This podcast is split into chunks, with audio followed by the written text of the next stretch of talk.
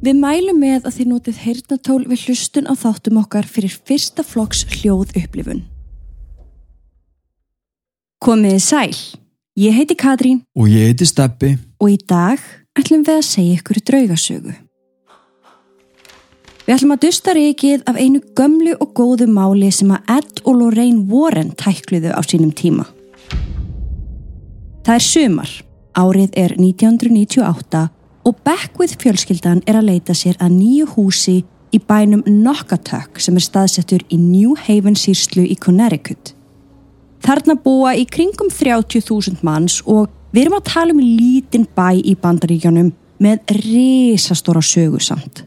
Þarna byggu indjánar í lengri lengri tíma og það er stundum talað um að undir fótum íbúana sé svo mikið af líkamsleifum að þær myndu tromba fjölda þeirra lifandi.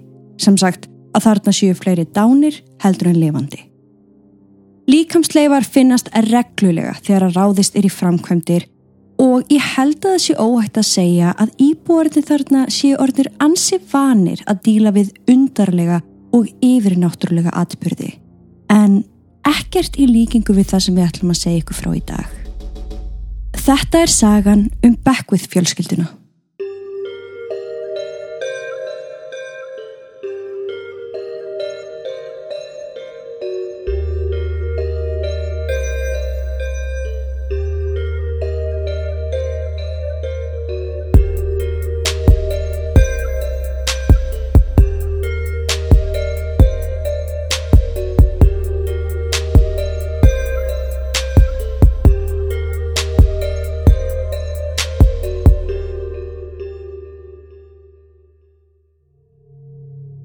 Við viljum minna á að draugarsöðunar okkar eru ekki við hæfi barna yngri en 13 ára nema með leifi fullorna. Og með því hefjum við sögu dagsins. Í Beckwith fjölskyldunni er Sean, fjölskyldufadurinn, hann starfaði sem viðgerðamaður á hitakerfum og loftræstingum. Bonnie sem starfaði sem hjúgrunafræðingur og saman áttu þau þrjú börn. Eitt strák sem var yngstur, nýjára gamall, hann heitir Jeremy, svo er það miðjan þeirra, hinn 15 ára gamla Jennifer og svo er það elsta stelpan sem er aldrei nefnd á nafn og það er ekki talað um aldurinnar heldur. Ég held að þeir sjómastættir og þeir miðlar sem hafa fjallað um þetta mál Mm eru ekki að minnast á þessa elstu stelpu. Næ, hún vill kannski ekkit með þetta hafa lengur. Nei, ég held að sé eitthvað svoleiðis. Já. Þau voru búin að vera flakka með fastegnasalanum, búin að skoða hinn og þessi hús en þetta var seinasta húsið sem þau ætluð að skoða þennan daginn. Þau keira inn hlaðið og á mótið þeim stendur þetta risavaksna hús á þremur hæðum með tröppum sem að leitu að útidra hurðinni, gluggum í allar áttir og svo risi. Þau fara út úr bílnum og fastegnasalinn segir þeim að húsið sé búið að standa aukt í að verða ár. Ó, við veitum hvað það þýðir. Já, en að það væri samt í góðu standi. Ekkert af húsunum sem þau voru búin að skoða voru á þessari stærðar gráðu svo krakkarnir voru mjög spenntir að hlaupa inn og skoða. Eða allavega þessi tvö yngri. Elsta stelpan vildi alls ekki fara inn. Bonnie tekur hana aðeins afsýðis og spyr hana hvað sé að og hún segir móður sinni að henni lítist ekki á húsið. Að það gæfi henni slæma tilfinningu. Bonnie reynir að hugreist hana og á endanum nær hún að fá hana allavega inn í húsið til þess að skoða. Ok. Og við erum að tala um að húsið er massíft. Það var parkett á gólfi sem er, by the way, það er mjög svona óvanalegt í bandaríkunum. Já. Af því það er allt teppalagt. Þannig að hardwood floors, parkett, það er eitthvað mjög fínt. Það er mjög fínt. Það var bjart og það var laust við kaupsamning af því það stóð auðvitað tómt. Eftir að hafa skoðað húsið bak og fyrir horfa hjónin á hvort annan. Þetta var fullkomið. Sean kallar á þau öll inn í stofu og þar haldaði fjölskyldufund. Hverju voru með að kaupa húsið og hverju voru á móti. Allir vildi kaupa húsið nema elsta stelpan þeirra. Hún sagði þeim að það var eitthvað vont aðna inni og að hún geti aldrei átt heima aðna. Kanski hefðu foreldrarnir átt að hlusta á stelpuna en við segjum það líka kannski bara því við erum draugunardar við getum alveg séð þetta líka bara ég allavega sem móðir sjálf. Ég menna það er alltaf eitt barn. Ó, það er alltaf eitt barn sem er á móti einhverju hugmynd. Og það þýðir ekki að við ætlum aldrei að gera neitt. Nei, nei. þetta eina barn mótmæli. Nei, nei, þú far ekki að ráða öllu, sko. Nei, þannig ég skil alveg hvaðan þau eru að koma. Mm. Svo fyrst að meiri hlutin var æstur í að kaupa húsið, þá var það ákveðið og þau fluttu inn fáinum dögum síðar. Krakkarnir voru svo gladir að fá sitt eigið herbergi sem voru öll stór og rúmgóð. En fyrstu nóttina í húsinu vaknar Jeremy upp við einhvers konar læti. Fyrst hljómaði þetta eins og þrusk, eins og einhver væri kannski að lappa umfram á gangi. En síðan fara að heyrast brög og brestir og honum fannst mögulega eins og lætin væri að koma frá fataskapnum hans. Við erum að tala um litla strákinu, það ekki, Jeremy. jú, þessi nýjára. Hann endar á því að flýja inn til foreldra sinna, vekur mömmu sína og segir henni frá því sem hann var að upplifa. Bonnie var vissum að Jeremy væri bara tauga óstyrkur að sofa fyrstu nóttina í nýju húsi. Mm -hmm. Plús það að þá var náttúrulega húsið risa stórt Já, og það blés alveg í gegnum það svo vissulega voru alls konar hljóðið í sem þau þekktu ekki. Hún fer með segni sínum aftur inn í herbergið hans til þess að ganga úr skugga um að það væri ekkert skrimsli í skapnum hans. Hún kíkti öll horn og undir rúmið og eftir smá tíma sá hún að Jeremy var byrjaður að róast. Hún vissi samt að um leið og hún myndi fara aftur inn í herbergið sitt og skilja hann eftir einan, gæta hann orðið hrættur aftur. Svo hún réttur honum vasaljós sem hún hafi gefið honum í ammaliskjöf eitthvert árið. Og við erum að tala um svona stórt vasaljó sem að skipta um lit, það var glært og raukt og grænt og Já. alls konar. Og hún segir honum að ef hann verður hrættur þá ætti hann að byggja bænirna sínar og kveikja á grænaljósinu. Hún sagði honum að öll skrýmslinn væru hrætt við grænaljósið af því að þetta væri töfraljós. Mm. Góðar mömmurnar sko. Hún full vissiðan um að þetta myndi verndan og á endanum þá var Jeremy sannfærður og gaf hann mömmu sinni leifi til þess að fara aftur inn í herbyrgi sitt.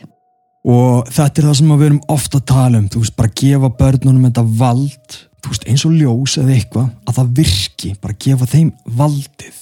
Og þetta er ekki svona placebo-effekt vegna þess að um leið og badnið veit að það er örugt með eitthvað eins og himnasæng yfir rúminu eða ljós í höndunum. Já, Það ósjálfrátt fer það náttúrulega að gefa frá sér bara góða orku. orku og því já. líður betur og það er hægt að vera hrætt. Mhm. Þannig að þetta er ekki, þetta er ekki galið sko. Nei, og ekki alveg eins og þú segir, ekki alveg Nei, eða placebo. engan veginn. Setna sömu nótt vaknar Jeremy aftur og í þetta skiptið um leið og hann opnaði augun sá hann risa stóran skugga myndast á veggnum fyrir framannan og ganga svo inn í veggin hinum megin. Skuggin fór raunverulega þvert yfir herbryggið hans. Hann verður svo hrættur að hann fer undir sengina sína, kveikir á ljósinu og byrjar að fara með bænirna sínar. En þá skyndilega er sengin hrifsuð af honum og hún endar á gólfinu. Hann öskrar, hleypur inn til móðu sinnar og svaf þar það sem eftir var af nóttinni. Elsku strákurinn. Já, ég miði mín af því hann ætlaði að vera svo hugrakkur og Já. hann var svo hugrakkur. Einmitt, hann var svo haurakkur. Þú veist, hann gerði allt sem hann átt að gera og Mhm. mm það fór svona og þetta fór að verða reglulegt á Beckwith heimilinu.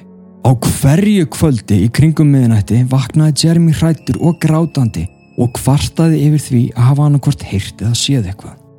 Á hverju morgni saði mömmu sinni hvað hefði gerst en hún var ekki alveg að kaupa þetta. Hún var ekki endilega efast um svon sinn. Nei. Hún held kannski frekar að vandamáli væri bara, þú veist, þessi flutninga, nýtt hús og nýtt herbergi.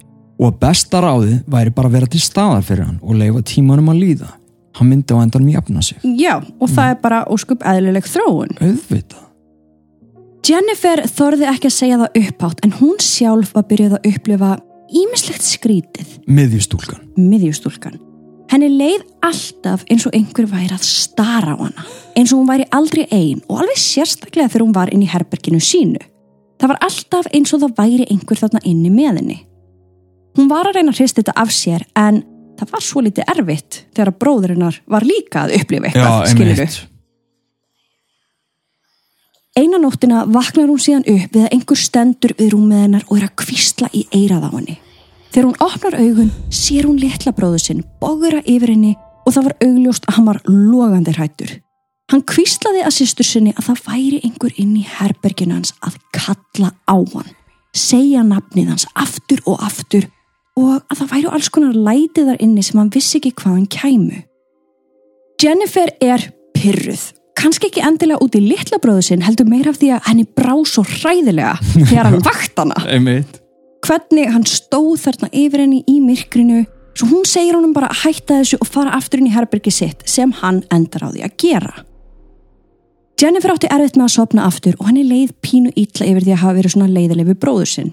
En hún ákvað að leiða hugan annað og hún myndi bara tala við hann morgunin eftir Hún hallar aftur augunum og rétt áður en hún nær að svífa inn í draumalandið finnur hún nefa koma upp í mitt bakið á sér eins og einhverju lægi undir rúminennar og hefði með kreftum nefa kilt upp í dínuna í gegnum dínuna og í bakið á henni. Ó. Hún fann þetta greinilega og höggið var það fast að hún færðist alveg þar sem hún lá. Á þessu augnabliki var hún meður sín yfir því að hafa sendt litla bróður sem burti, núna var hún einn í herberginu í kolniðamyrkri með lokaða hurð og einhvern undir rúminu sínu. Hún þorði ekki fyrir sitt litla líf að setja fæturnar á gólfi til þess að koma sér út úr herberginu. Hún var hrættum að hvað sem þetta var undir rúminennar myndi grípa í hana þegar hún myndi reyna að komast undan. Svo eiginlega án þess að hugsa þá sest hún á hnýjan og lætur höfuðið síga niður til þess að gæjast undir rúmið. En það var svo mikið myrkur að hún gæti ekki séð neitt. Eftir einhver tíma manar hún sig upp til þess að standa upp og kveikja ljósið. Núna þegar hún kíkir aftur undir rúmið þá sá hún ekkert óeðrilegt. Úf. Þetta er alveg, maður er alveg bara með hjarta í Já. buksunum af því þetta er óþægilegt. Já. Hún vildi fara inn til fóreldra sinna og segja þeim frá þessu en á saman tíma þá þorðum því ekki. Hún vissi ekki alveg hvert hún ætti að útskýra þetta. Svo hún ákveður að gera það ekki. Nei, allavega ekki þannig miðanótt. Nei. Það sem hún gerir hins vegar var að færa rúmið sitt frá glugganum og að vegnum hinum megin. Það gaf henni ákveði öryggi að því að kannski átti þetta allt saman einhver eðlilega skýringu. Kannski myndi þetta ekki gerast aftur ef að rúmið hana væri annar staðar. Hún sopnaði að lokum við sólar uppbrás og svaf til hádegis ó á reitt. Svo hér er verið að ásækja tvö börn. Elsta stelpan fann einhverja ílsku alveg í byrjun, svo byrjar Jeremy þessi nýjára og núna er Jennifer líka að upplifa eitthvað. Viku setna hafði hún ekki enn sagt neinum frá því sem hún hafði lendi í en svo var hún eitt kvöldið upp í rúminu sínu að tala í síman þegar rúmið hennar byrjar að hristast. Hún fröys, hún gat ekki hrift sig af hræðslu svo þarna lá hún í rúminu sem var á flegi ferð þanga til það allt í hennu stöðvaðist. Morgunin eftir var hún búin að ákveða að segja mömmu sinni frá þessu. Hún ætlaði að reyna að nota raukhugsun í þessum samræðum en um leið og mamminar settist á mótinni og spurði hana hvað væri að þá brotnaði hún niður. Hún var í algjöru áfalli greiði stelpan og Bonnie var miður sín að hún hafi ekki verið búin að koma til hennar fyrr og segja henni frá. Hún huggar stelpuna sína, þakkar henni fyrir tröstið og um kvöldið talar hún um þetta allt saman við Sean. Og mér finnst Sean vera svo frábær pappi að því að honum fannst alltaf svo mikilvægt að halda fjölskyldufundi um hitt og þetta. it. Ok, geggjað. Svo hann auðvitað kallar á alla krakkana inn í stofu á fjölskyldufund nummer tvö í nýja húsinu. Krakkarnir fundu að þau voru í örugum aðstæðum og að þeim var trúað, svo þau segja frá öllu sem þau voru að upplifa. Þannig á þetta að vera. Jeremy talaði um þetta endalusa kvísl inn í söfnherberginu sínu og hvernig það voru alltaf læti að koma frá skápnum á sama tíma og einhver var að kalla nafnans.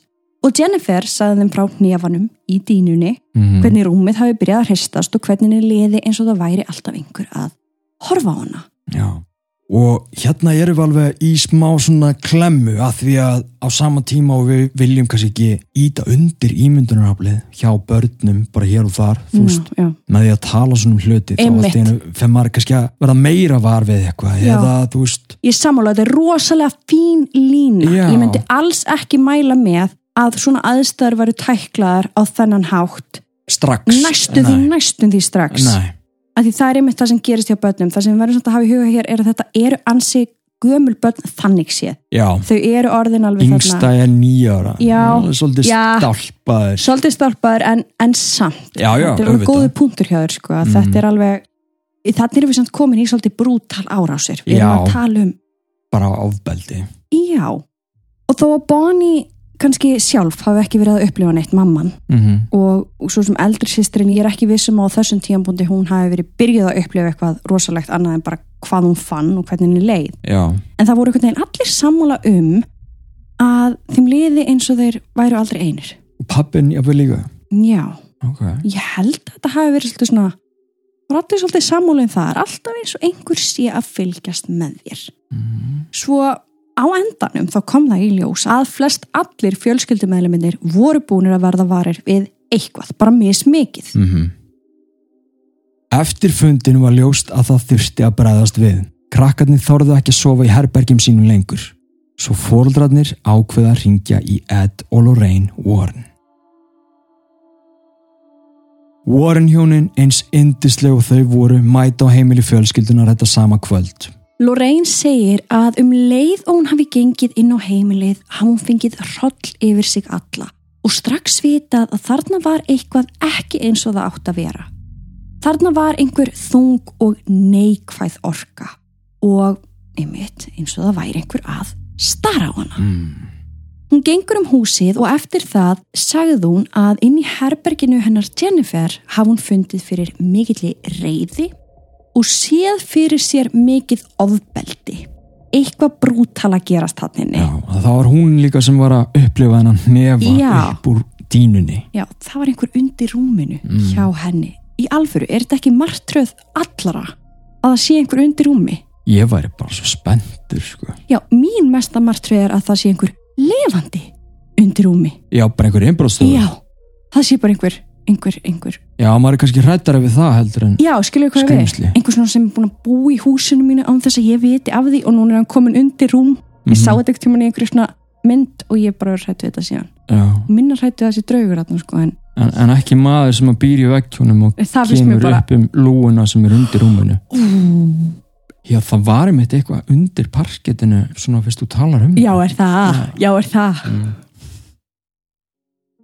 Hún allavega talar um þetta herbergjannars Jennifer og hún segir þeim að þarna inni væru þrýr andar en líka eitthvað ómennstafl eða ómennstafl, eitthvað Eitthvað sem hefur aldrei verið lifandi og gengið um jörðin á tveimu fótum eins og ég og þú takk fyrir, Mm. akkurat það sem ég átti við Eftir að hafa fengið þessa staðfestingu þá ætlaði fjölskyldan að sjálfsögðu bara að flýja húsið en Warren hjónin sögðu þeim að það væri ekki lausnin. Hvað sem þetta væri geti fyllt þeim. Þetta væri ekki eitthvað sem þau geti bara flúið eitt fyrir og þrýr. En til þess að setja þetta í farveg þurftu þau núna að sapna eins mikið af sönnunagögnum og þau gætu. Lorraine segir þeim að vera með myndbands upptökuvelar við rúmin sín og í hvers skipti sem þau fyndu eða upplifðu eitthvað óvanalegt ættu þau að taka upp myndavélarnar og byrja að taka myndir. Síðan kvöttu þau fjölskylduna í byli. Fjölskyldan gerir það sem vorin hjónin segja þeim að gera, en samhliða því þurftu þau auðvitað að lifa eðlulegu lífi og sinna sínum skildum. Akkurat. Bonnie hafði sagt mömmu sinni hvað væri að gerast á nýja heimilinu þeirra og þessi amma, Mm hún ákveður að gera sér ferð og kom í heimsókn. Til þess að kíkja á draugangin. Já, nei, ekki kannski alveg til að kíkja á draugangin, Mm. meira bara, amman var bara ansi mikill húmóristi. Ok. henni er bara líst svolítið þannig hún átti svolítið auðvelt með að koma inn í svona erfiðar aðstæður og láta fólki bara líða vel Ég skil. þannig að ok. þetta var svona meira kannski ég ætla að koma og ég ætla að hressa ykkur við Já, þetta, ok. þetta var alveg lung kyrsla þannig að hún ætla alveg að koma og vera í nokkra daga Mm. Bonnie bjó um móður sína á þriðju hæð húsins upp í risinu Það var engin þar áður nei, Nei. nei. Og þar sett hún frá sér töskurnar en fjölskyldan eitti síðan kvöldinu saman niðri þau borðuðu góðan mat, spiluðu eitthvað langt fram eftir Amman býður síðan öllum góða nótt og fer upp í herbergi sitt. Þar kveikir hún á sjónvarpinu á meðan hún er að pakka upp úr töskunum. Amman var stráng trúið, svo að það fyrsta sem hún sett á náttborðið var biblía og síðan fór hún að hengja fött í skápin. En svo verður hún spennt yfir einhverjum glæpa þætti í sjónvarpinu. Ok. Svo hún sest á rúmið til þess að fylgjast með. Eftir smá tíma þá slöknast á sjónvarpinu. Amman skimar eftir fjastringunni, finnur hana þarna hliðin á sér og kveikir aftur á tækinu. Aftur byrjar hún að horfa og aftur slöknast á sjónvarpinu. Nefn í þetta skiptið, þegar hún tekur upp fjastringuna og beinir henni að sjónvarpinu, þá sér hún speiklast í því þrjár manneskjur sem að stóðu fyrir aftanana. Tvær hávaksnar og ein minni. Þau stóðu í einni röð hlið við hlið og störðu á hana. Henni snögg bregður, hún hendir frá sér fjasturingunni og lítur aftur fyrir sig en sér engan. En þegar hún snýr sér svo aftur við, þá sér hún mann. Hann var með alveg hvíta húð og gráleitt hár. Maðurinn var með opinn munnin og augun voru glær.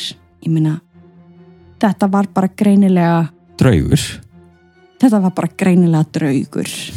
Bara svona, já, Bara hrollvekju draugur, draugur. algjörlega. Mm Þannig að amman að sjálfsögðu stekkur upp og ríkur út úr herberginu. Hún segir dóttur sinni hvað hún hafði séð og hún ákveður að sofa í sófanum þessa nótt. Greið amman. Ég veit það, úkslega brútal, Já. svona að lenda í. Ég ætlaði bara að koma og vera með ykkur og svo bara Já, þetta, úf. Morgunin eftir fer Jennifer með henni upp að því að amman þorði ekki ein. En þar pakkaði hún saman dótunni sínu og svo hjælt hún aftur heim. hún fór bara. Hún fór bara greið. Hún afsakaði sér samt. Henni fannst leitt að fara svona skyndilega en á sama tíma þá sagðist hún bara ekki geta eitt annari mínútu þarna inni eftir það sem hún sá. Jennifer ákveður að fara aftur upp í herbergið í resinu þegar amman var farin og hún gerir það til þess að taka myndir. Hún fann að inn í herberginu var kallt, örglega í kringum frostmark en það hefði verið eðlilegt hitasteg þarna inni þegar hún hefði farið þarna inn með ömmu sinni skömmu áður. Hún tekur upp myndavélina og byrjar að taka myndir. Stuttu eftir þakkagjörðaháttíðina í november koma Warren hjónin aftur. Með þeim í þetta skiptið var miðill, kona að nafni Lee og tveir paranormal rannsakendur, tveir menn. Þau sitja saman við eldúsborðið og fjölskyldan er að segja þeim hvað hafði gengið á seinustu vikur. Jeremy var þarna í pössun hjá afa sínum og ömmu því hann var búin að upplifa nóg þessi litli drengur. Já, þau vildu bara fá hana aðeins í örugtum hverfið svona. En þar sem þau sitja við mataborðið að spjalla þá allt í einu nikkist höfuðið á Lee aftur á bak og hún byrjar að skjálfa. Með titrandi röddu nær hún að byggja vorin hjónin um blíjant og blað af því að hún fann að þarna var einhver komin sem vildi skrifa í gegnum hana.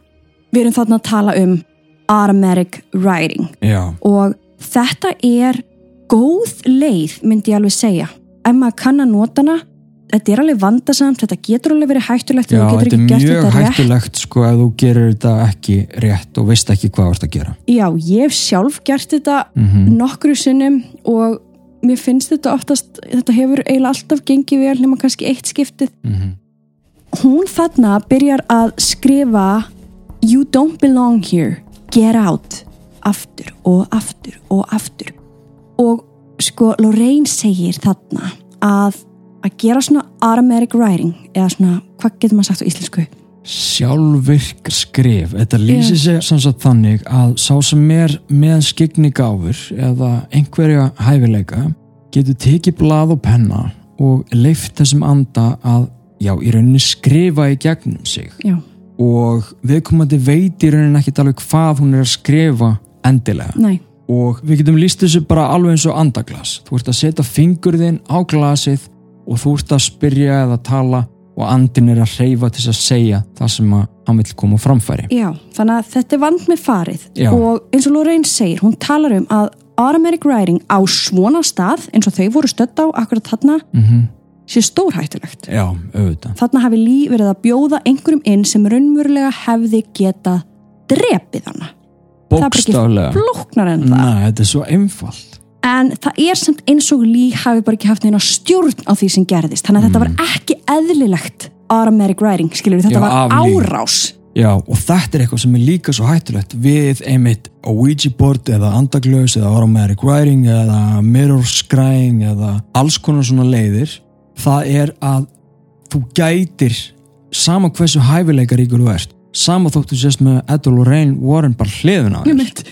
Þá hérna getur eitthvað komið yfir þig þar sem þú bara heldur að ég geti þetta samt en þú ert bara ekki með neina stjórn. Nei, þó þú haldir að þú sést bara alveg með full of them Lorraine segir líka að í þessari heimsókn hafði hún séð ímislegt og hún minnist að það. Hvernig hún, þessi flotta kona sem Mhm. gerði allt sem hún gerði hvernig hún var oft og mörgusunum döðhrætt við þær sínir sem að byrtust henni á svona stöðum. Og hún talar um að þetta hafi verið þannig tilfelli. Já, þarna ég þetta Já. skilti Þetta fæ mig til þess að hugsa sko ég þér í amáliskef bænabókin hennar Lorraine. Jöp, ég á bænabókina hennar Lorraine, ég held að þetta sé besta gjöf sem ég fengið takk Já, bara Ég er mjög ánægð með það. Mín er ánægð, en allavega pældi þarna er hún örgulega með bókina bara í þessu bókina sem þú átt bara í þessu máli sem við erum að tala um Já, ég fæ ekki að segja út um allt sko. Ok, en allavega, hvað gerist næst? Ok, hvað gerist næst? Sko, Jennifer ákveður að sína voran hjónunum myndirnar. sem hún hafi tekið hann upp á þriðu hæðin í erbyggi ömmunar hann í Mhm. resinu. Hún hefði nefnilega séð eitthvað sem var pínu skrítið á einni myndinni og við erum að tala um, þú veist, þú þarfst að fara og láta framkalla myndirna Já, já, já. og fara á svo nokkrum dögum setna og eitthvað svo leiðis. Og það sem er á þessari mynd er að við sjáum hann herbergið á resinu. Þetta er á þriðju hæðinni þar sem amman hefði sofið og þetta er hann á hurðinni og þetta lítur út eins og bara pínu svona camera glimpse. Þetta er svona, Lína, já, þetta er svona ljós, lína, gætali verið bara eitthvað svona flass, ok. vesen. Mm. nema Warren hjónin segja þeim bara nei, nei, nei, nei, nei. Þú Veist, þetta er ekkert þetta er ekkert flassvesen þetta er ekkert, þetta er ekkert svoleiðist hérna erum við bara með djöful Mm. Og við erum með high level eða hátt settan djöful Já, djöflar eru alls konar og þeir eru margir en það eru þeir sem í rauninni stjórna helviti bara eftir stegu. Þeir eru nokkar aðna sem eru sjö hæstir. Svo detta er niður í önnur steg og svo undir þeim eru svo miljón, biljón demónar eða svona djöfulegar verur, það sem við köllum. En djöflar og djöfulegar verur, við höfum rætt þetta mörgusunum áður, en það er ekki sami hluturinn. Nei, En þarna eru þau vantalega að tala um háttsettan djöful. það hljómar pínulítið þannig Mm Warren hjónin kveðja síðan fjölskylduna en lífverður eftir hjá þeim á samt mönnunum tveimur sem voru þarna paranormala rannsakandir. Já, þannig að þau bara yfirgefa svæðið Mhm. og þau ætla að vera þarna eftir til þess að reyna að ná sem mestum sönnunum Já. að því að þú veist, það er í rauninni alltaf langt best fyrir paranormal rannsakendur í svona stöðu að upplifa draugagangin sjálfur. Akkurat. Þeir taka upp sína græjur og koma sér fyrir í herberginan á Jennifer og um leið byrja undarlegi hlutir að gerast. Alls konar hljóð fara að heyrast. Fyrst eins og að væri fugglin í herberginu sem væri að reyna að taka á loft með því að blaka vangjunum. Síðan eins og einhver var að pikka í gluggan með nögl. Bönk fór að heyrast á gólfi og frá veggjum og með svona mikið aktiviti í gangi þá ákvaða þeir að reyna að tala við andana, reyna að fá einhver vitsmunaleg svör. Svo þeir segja við andana að banka einu sinni fyrir já og tvisar fyrir nei og svo fara þeir að spyrja hinn úr þessa spurninga. Þetta er skemmtilegu leikur. Já, ég veit ekki nákvæmlega hvað kom út úr þessu en ég veit að þeir fengu svörun og eftir þetta voru þeir vissir um að þarna einu væri þrýr andar alveg svo Lorraine var búin að segja en síðan líka einn djöfull og að þessi djöfull væri að reyna að halda hinum þremur öndunum í gíslingu. Svo það sem þurfti að gera væri að losna við hann og leiða svo hina í ljósið. Þetta er svona svipað og við sáum í 28 Days Haunted í Madison Dry Goods. Rétt, það er rétt.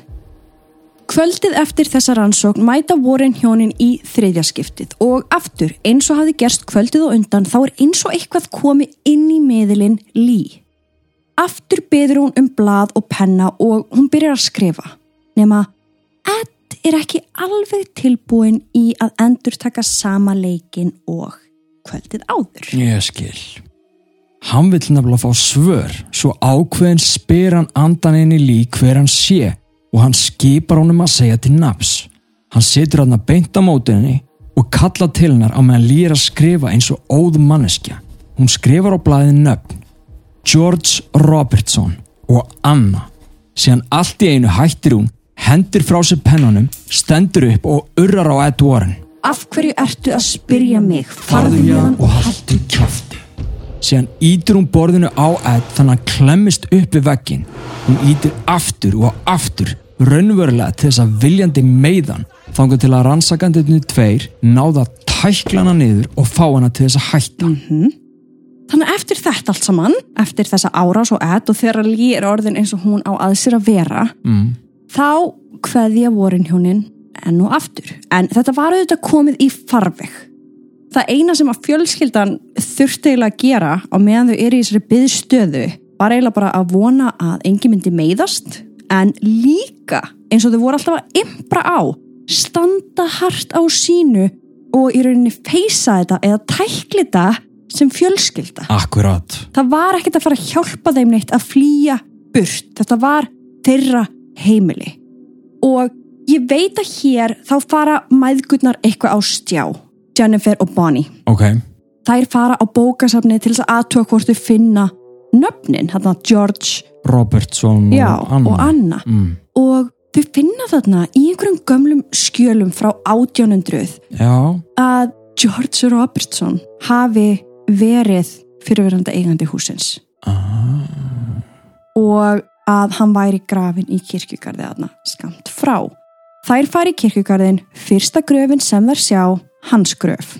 Og ok. þær voru bara hverjar eru líkurnar í alvörunni.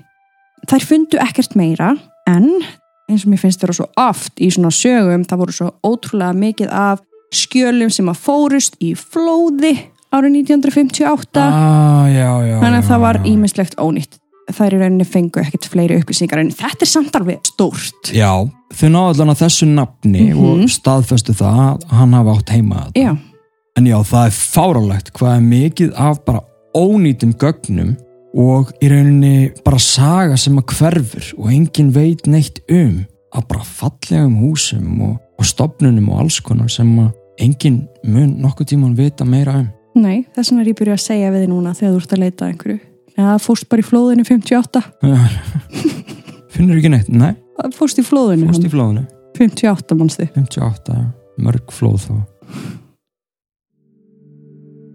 Við vitum að stuttu setna kemur prestur til þess að blessa heimilið. Prestur á vegum voranhjónana og það virtist létta andrúmslofti töluvert. Ok, En eins og voranhjónin segja sjálf í þessu máli og í svipuðu málum að þá svona blessun, hún særir þennan djöful. já. Hún særir þessa djöfulegu veru. Úst, hún meiðir hana. Mm Þannig að hún hörfar. En hún getur komið tilbaka nokkrum dögum síðar. Já, eða bara, Já, nokkur mínútur. Já, það þarf ekki einu svona líða langu tími. Nei. Og verið þá jafn sterk, eða jafnvel sterkari heldur hún var áður fyrr. Og komið með liðsöka, jafnvel. Og það veriðist svolítið gerast í þessari sögu. Sko, hér er fjölskyldan ekkert lengur að sofa í söfnherbergju meðan eitt svoleiðis. Þau búa Mm. bara í stofunni. Stofunni, já, þau halda sig alltaf í stofunni og þau sofa þar í sófum, á dýnum, á gólfinu og eins og við töluðum um áðan samhliða þessu öllu saman þá þarf að mæti vinnu og skóla Akkurat. eins og venjulegt fólk gerir. Lífið fer bara ekkert á pása á meðan þú díla við svona ása. Nei, emitt. Og ég veit að þetta var að fara virkilega illa með þig öll sem. Mhm. Svo gerist svo litið áhugavert. Bonnie, móðurinn, fyrir allt í hann að fá þess að miklu þörf fyrir að mála. Mhm. Hún lýsir því þannig að hún hafi fengið upp myndir í hausin á sér sem hún bara varð að koma niður á blað og Já. teikna. Hún varð heldikinn að því að mála og teikna alla daga. Hún var meira segja að byrja að gera meira af því heldur hún að vera með fjölskyldunni sinni niðri. Ó, Og hún talar um að í hvert skipti sem hún málaði þá fann hún fyrir þessari yfirgnífandi sorg eins og hún hafi mist einhvern ástkæran, einhvern sem hún elskaði mikið. Síðan fannst henni eins og Anna, manstu, andin sem að, sem að koma hann á blað já, ásamt George Robertson, já. eins og hún sé að mála í gegnum sig Mm. og einhvern veginn þá fer hún að átta sig á því að það eru eflaust hennar tilfinningar sem hún er að finna. Já, og á sama tíma og þetta er alltaf gerast þá finnst henni alltaf einhver standa við hliðin á sér og stara á sig. Og ég veit að hún málar eitthvað málverk. Þetta er allt svona pínu abstrakt. Það er píramítið þarna, það er einhverja verur alltaf þrjár verur. Ó já, ok. þetta er alveg áhugavert sko. Mm. en síðan þegar bækur fara fljúr stofuhillum og á þau einan nóttina ringja þau í Warren hjónin og fá þær fréttir samt að þau eru búin að fá leifi fyrir særingunni. Mm, þetta var loksins að dætt í gegn. Já, og hér byrjar ákveðið ferli í gang þar sem að særingamadurinn eða særingapresturinn þarf að fasta í x tíma áður en að hann ræðist til allögu. já, og þetta er að gera svona jólin líka þannig að þetta var alveg svona háana tími. Og þau segja, vorin hjónin bara það eru nokkri dagar, það Já. eru fjóri, fimm, sex dagar þangað til presturinn kemur, þið verðið bara að já, haldi ykkur svolítið hæg Já, þangað til. Mhm. Svo þó að amman var ekki parhrifin á húsinu þá ákveður hún nú samt að kíkja í heimsókn enn á ný. En í þetta skiptið ætla hún ekki að gista. Frekar vildi hún sofa hótelið þarna skamt frá.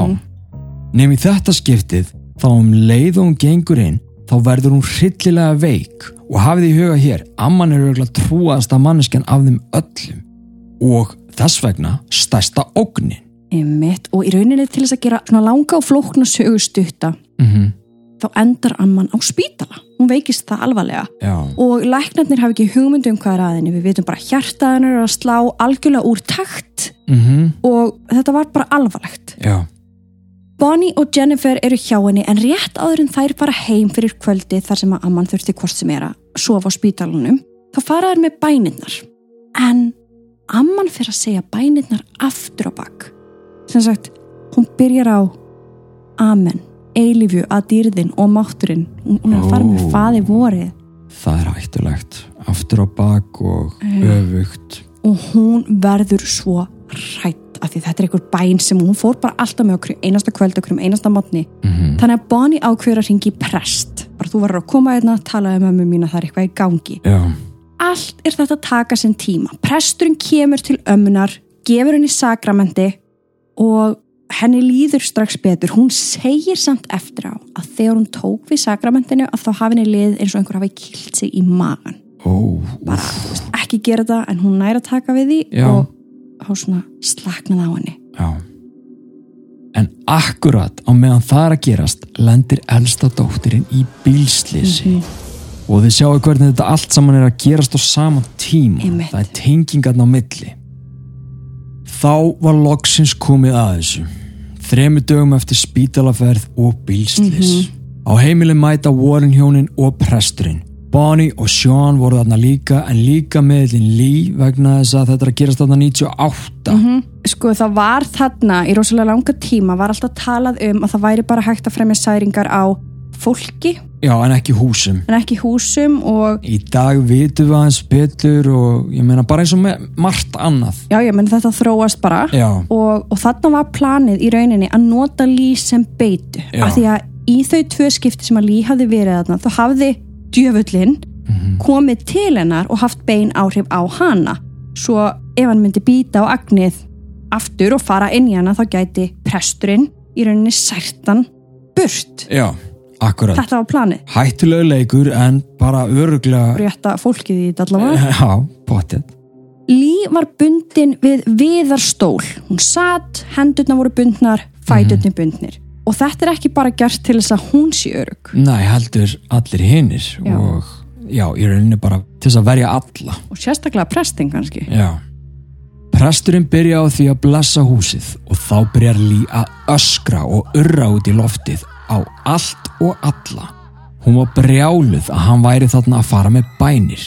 Þegar hún eða djöfullin sem var að stjórninni áttar sig á að það er ekki alveg að virka byrjar hún að öskra á prestin og segir hún um að hætta að fara með bænir. Það er ekki eftir að virka hvort sem er en auðvitað heldur presturinn áfram. Þetta var laung orista en á endanum þá lítur þetta út fyrir að þetta sé búið. Líf verður róleg í stólnum, hættir að öskra og er bara, já, frekar eðlileg. Mm Og Bonnie og Sean voru heimilifandi að þessi martröð væri búin. En presturinn og Warren hjónin voru ekki að láta blekkjast. Ó nei. Presturinn tekur upp kross sem hann var búin að blessa og svona hægt og rólega leggur hann krossin á ennið á lí. Og fyrst til þess að byrja með þá gerist ekkert. En örfáum sekundum síðar fyrir lí að brosa og hlæja. Síðan skyndilega rýfur hún stólfæturnar af stólnum með fótonum.